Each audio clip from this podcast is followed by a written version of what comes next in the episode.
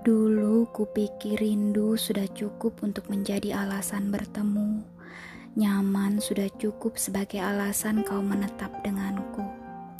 Cinta sudah cukup agar kedua insan dapat bersatu. Ternyata aku salah. Tidak ada yang lebih penting dari sebuah restu.